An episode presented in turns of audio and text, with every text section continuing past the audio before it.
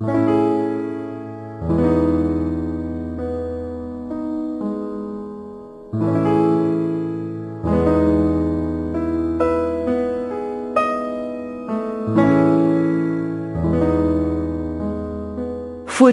verbind jou met jou verlede. En as ek so kyk na my foto's dan sien ek al my kinderjare sien ek hierdeur. Sien hier met my mammie en pappie, my boetie en my sussie ek saam. Dit was my eerste keer wat ek Kaap toe is. Ek was 10 jaar oud, 1939. Ja, ek dink uh, as ek terugkyk na al my fotos het my al met uh, baie jare terug uh, as ek nou kyk na hierdie spesifieke foto. Ek was omtrent 10 jaar oud gewees en uh Daar daar was 'n man wat rondgeloop het met die met die donkie. Dan uh kan almal opklim en, en hulle foto's laat neem. Ja, en dit was ek op hierdie dag was ek en my suster. My suster is so 3 jaar jonger as ek. Het my maar die foto's laat neem. Dit bring baie gedagtes terug. En gelukkige dae. Hierdie is skoolfoto's. Ek was by Pearson Hoërskool gewees in Port Elizabeth. Dit was die aangenaamste jare seker van my lewe. As ek nou na die foto kyk, dan neem dit my baie jare terug. Dit is ten minste 56 jaar as dit nie langer is nie. Of 60 jaar. 60 is eintlik 62 jaar gelede. En uh al hierdie mense wat hierop is, buite hierdie dame is is oorlede. En is ek baie hartseer as ek dink daaraan dat hulle nou nie meer hier is nie. Maar die lewe het nie stil gestaan nie, hy het aangegaan. Ja, dit die foto het ek gevat so in die 70s. Ek dink so 75, 70. Dit het hom gevat. Samurai vir. En uh, Dis die tyd wat hulle my geryp het. Toe kom ek uit die hospitaal uit. Want vier my geryp. En toe was ek kontrent vir 2 en 'n half maande in die hospitaal. En toe het hulle my ontslaat vir die tyfout toe ek uitkom samery vrou. My baie baie slegte herinneringe. Ek was naar.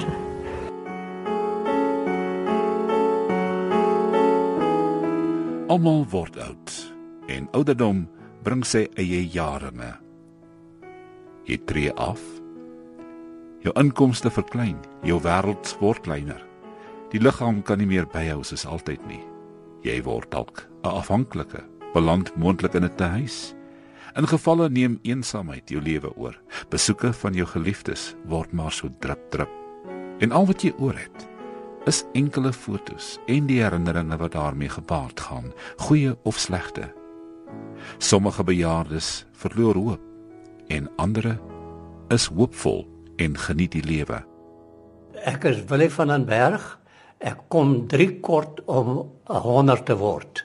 Ek word nou in uh, eh, 10 dae se tyd word ek 87. Ek is nog sterk.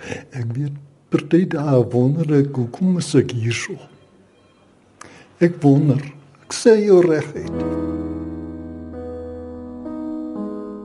Is ons stelsel regverdig teenoor bejaardes? Wat as 'n persoon aktief kan deelneem in die ekonomie of met sy kleinkinders? Of sal ons maar selektief by hulle kraan van wysheid en insig gaan tap?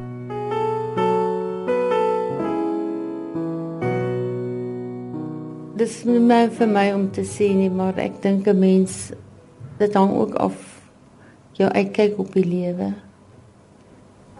Ehm um, Hoe sien jy dit?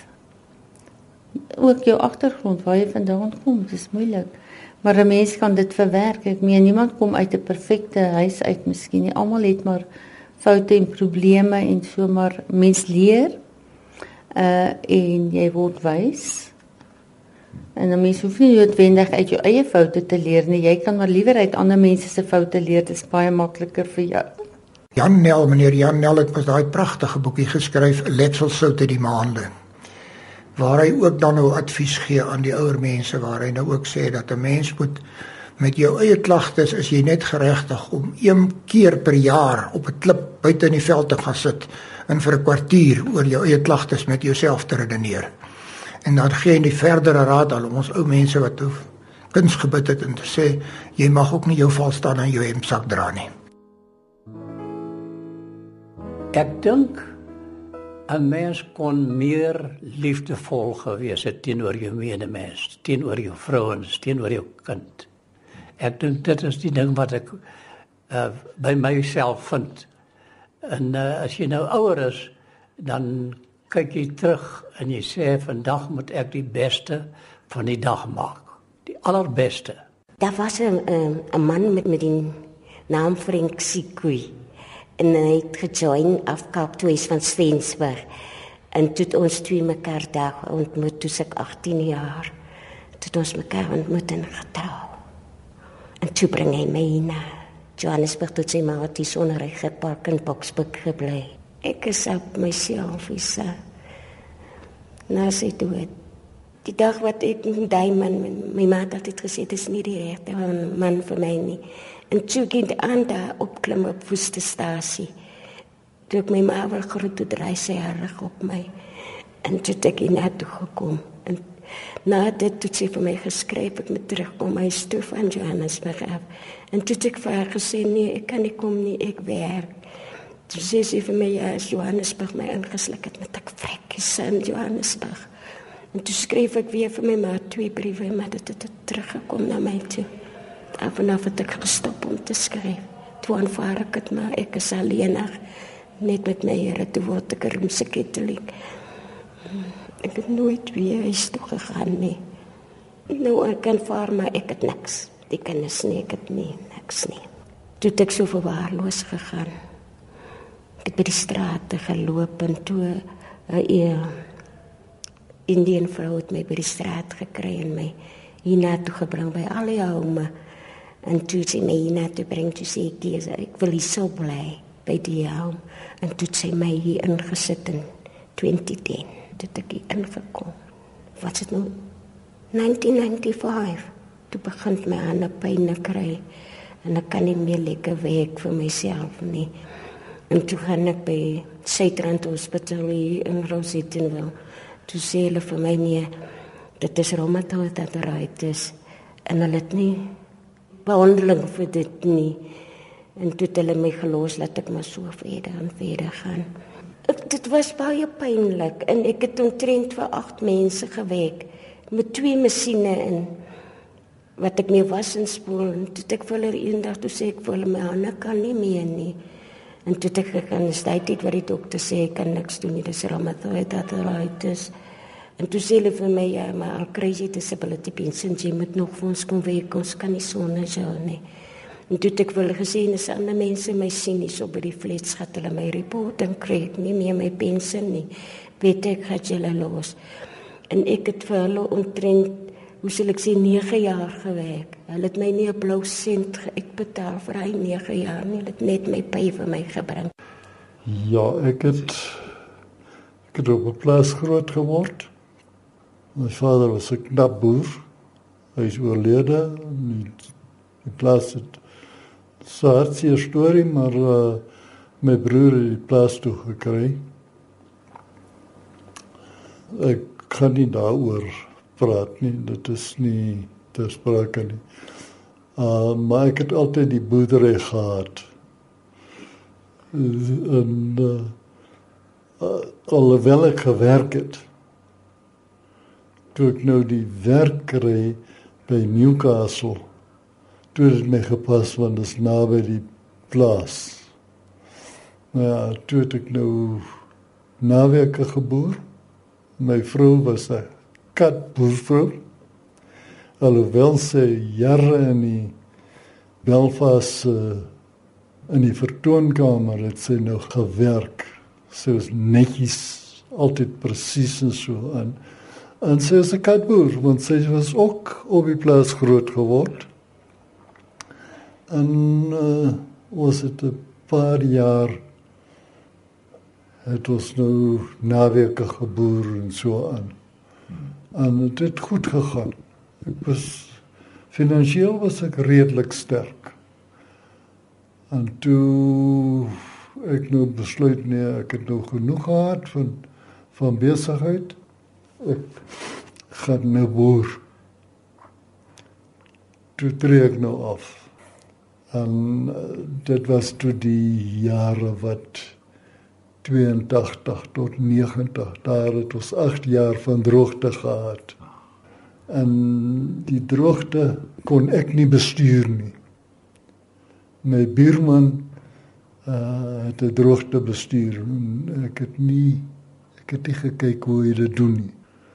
En my baie geld gekos.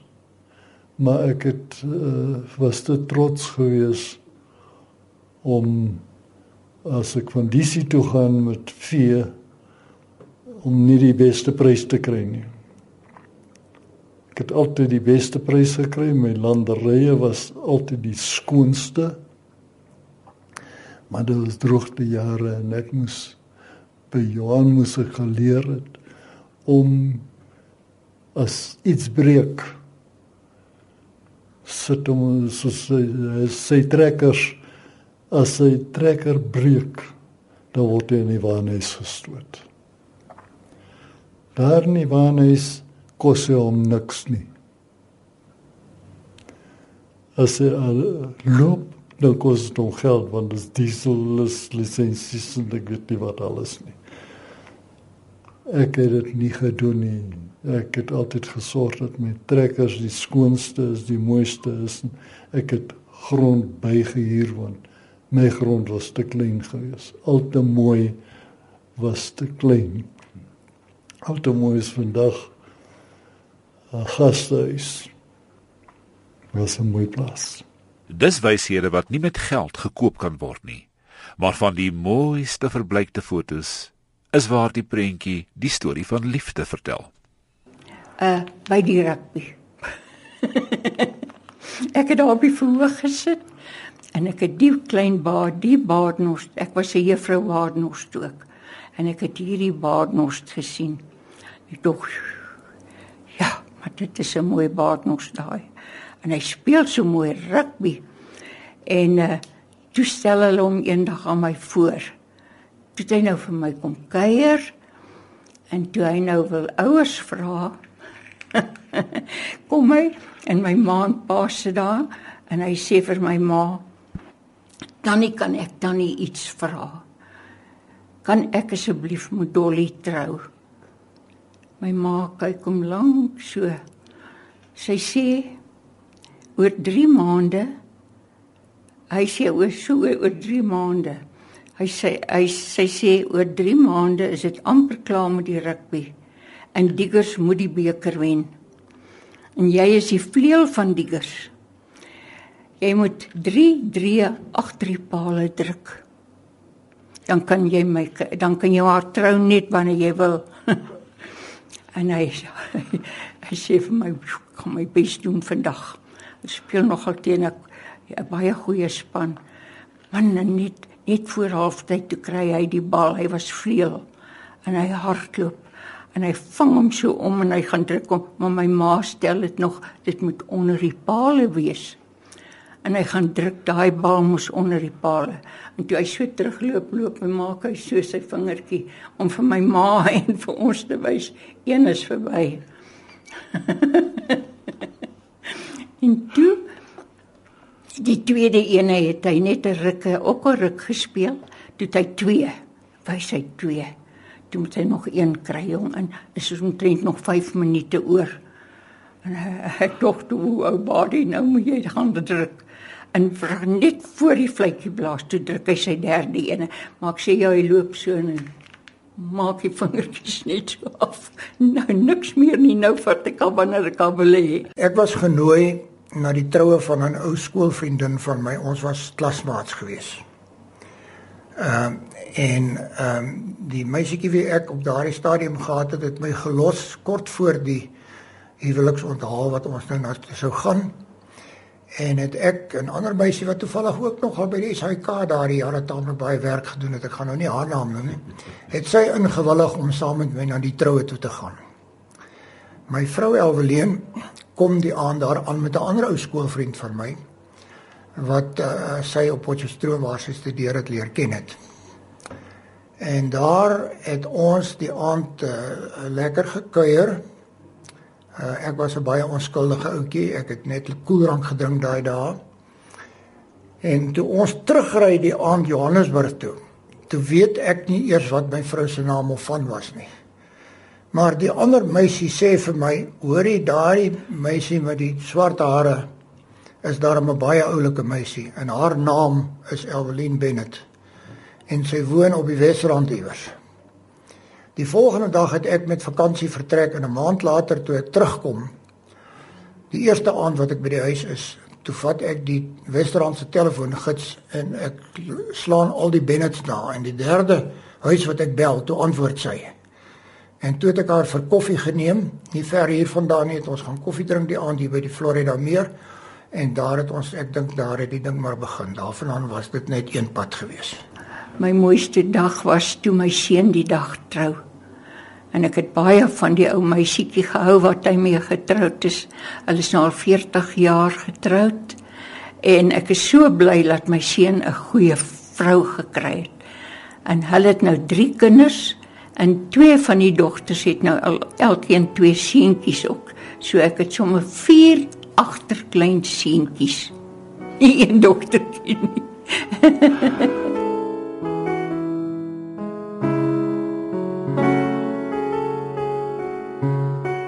Maar beteken dit dat bejaardes op 'n stasie sonder enige droom is? Of het hulle ook drome?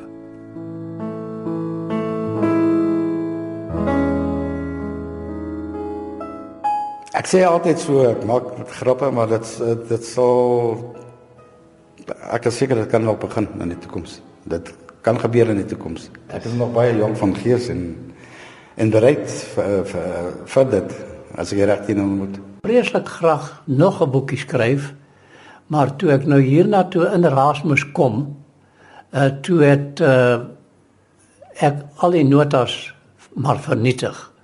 Ek wou nog 'n boekie geskryf het met die opskrif kort en goed. Dis kort gesegdetjies, wyshede. Maar uh, dit het my nou 'n bietjie ontgaan. Nou weet ek nie of dit 'n bietjie te laat is vir dit nie. My broer, ek het my broer, sy soek my broer. Nou is mense wat my broer soek. Uh, gaan my broer kry vir my. Ek wil nog graag sien. Hy is vier jaar jonger as ek. Hier is 67 daar so. Hy is, hy is grijs, hy is baie grijs. Hy is al jarenlang grijs. Ek weet nie hoe kom nie. Maar uh, hy had kapet ek. Hier sit het, ja kapet ek. Wat by nie. Sy probeer probeer. Ek dink my broer of baie ek het se tyd saam gehad. Ek begin kyk so en en uh, vlees gebraai, ek het 'n braai gebou. Hoe 'n groot braai gebou, sy is. Ehm sy is so 17 jaar terug. 17 jaar terug, ongelukkig. Maar ja, uh, Ek glo hulle sal hom opspoor. Hy leef nog. Uh, weet hy leef nog. Ja, ek het nog baie drome. Ek wil nog ek wil nog Australië toe gaan. Ek wil nog gaan kuier vir my dogter wat nou in Desember geëmigreer het soontoe. En uh, ek het nog baie te doen hier by Roodepoort Sentrum vir Bejaardes. En ook ek is baie betrokke met en nog steeds in Jan Hofmeyer community gemeenskapsdienste. Ek is 'n direkteur daar. Ek het nou maar eers in is nou amper 'n jaar terug wat ek nou oorgegee het as uitvoerende direkteur daar. Ek het 'n maatskappy gesig op jou en dan ons direkteure van donateurs wat direkteure is daar om te sien dat die plek kan aangaan. En die, ek is nou nie meer so dag tot dag daar nie.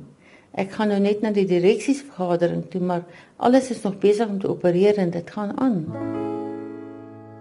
Kikkies van geloof, hoop en liefde. Maar dis veral die geloof wat ouer mense dra. Ek dink waar ek nou is, is dit uh, die Here se wagkamer vir ons. Dit kan nie anders dan nie, dit is maar sy wagkamer. En ons moet maar leer om die Here te vertrou. Uh partymal is jou geloof maar 'n bietjie wankelrag. Maar ek dink die Here wil hê ons moet hom absoluut vertrou. Ek glo nie. Ek voel ek wil net hê die Here met my kom help met my pynne. Dit is al wat ek nog verlang. Die Here met my help. En hy met my sag kom al dat ek niemand pla hier so nie altyd so mee met my in my slaap kom al. Ja, baie seker gedagtes. Ek wil um, ek ek wag ek lewe baie na die Here. Ek lewe baie na my God. So ek wil sê my lewe is in sy hande. En met my wat hy goed goed en ek kom al terug. Dit sê ek. Ek is reg om te gaan. Ek is reg om te gaan.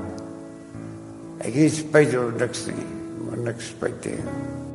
Dr. Isak de Villiers wat in sy digbundeltjie een van sy laaste, ek dink dit was sy laaste digbundeltjie Jerusalem tot Johannesburg ook oor verhuising skryf, ook aan die einde van sy lewe. En skryf hy in die een strofe ek draai in by my Jode buurt en dink hoe dikwels het ek hier verbygery met niks wat in gedagtes roep of klink. Ek sal nog voorkant eendag hier sal bly. En dan sluit dit af Ek wonder watter datum, watter plek my boek sal toe gaan voor my laaste trek. Want ons is almal in dieselfde bootjie. Ons is almal op pad om te oor te stap in die ander lewe in. En uh, ja, dit is nie nodig om depressief te wees nie, jy kan nog die lewe geniet tot op daai dag. Jou lewe is nooit verby tot jy die dag jou asem uitblaas. Nie. Die Here het 'n plan met elkeen se lewe. En elkeen het 'n doel. En wanneer jy die doel in die plan van die Here jou lewe lewe, dan is jy vervul. Het jy vrede? Jy moet weet waar kom jy vandaan? Wie is jy in Christus? Waar gaan jy heen?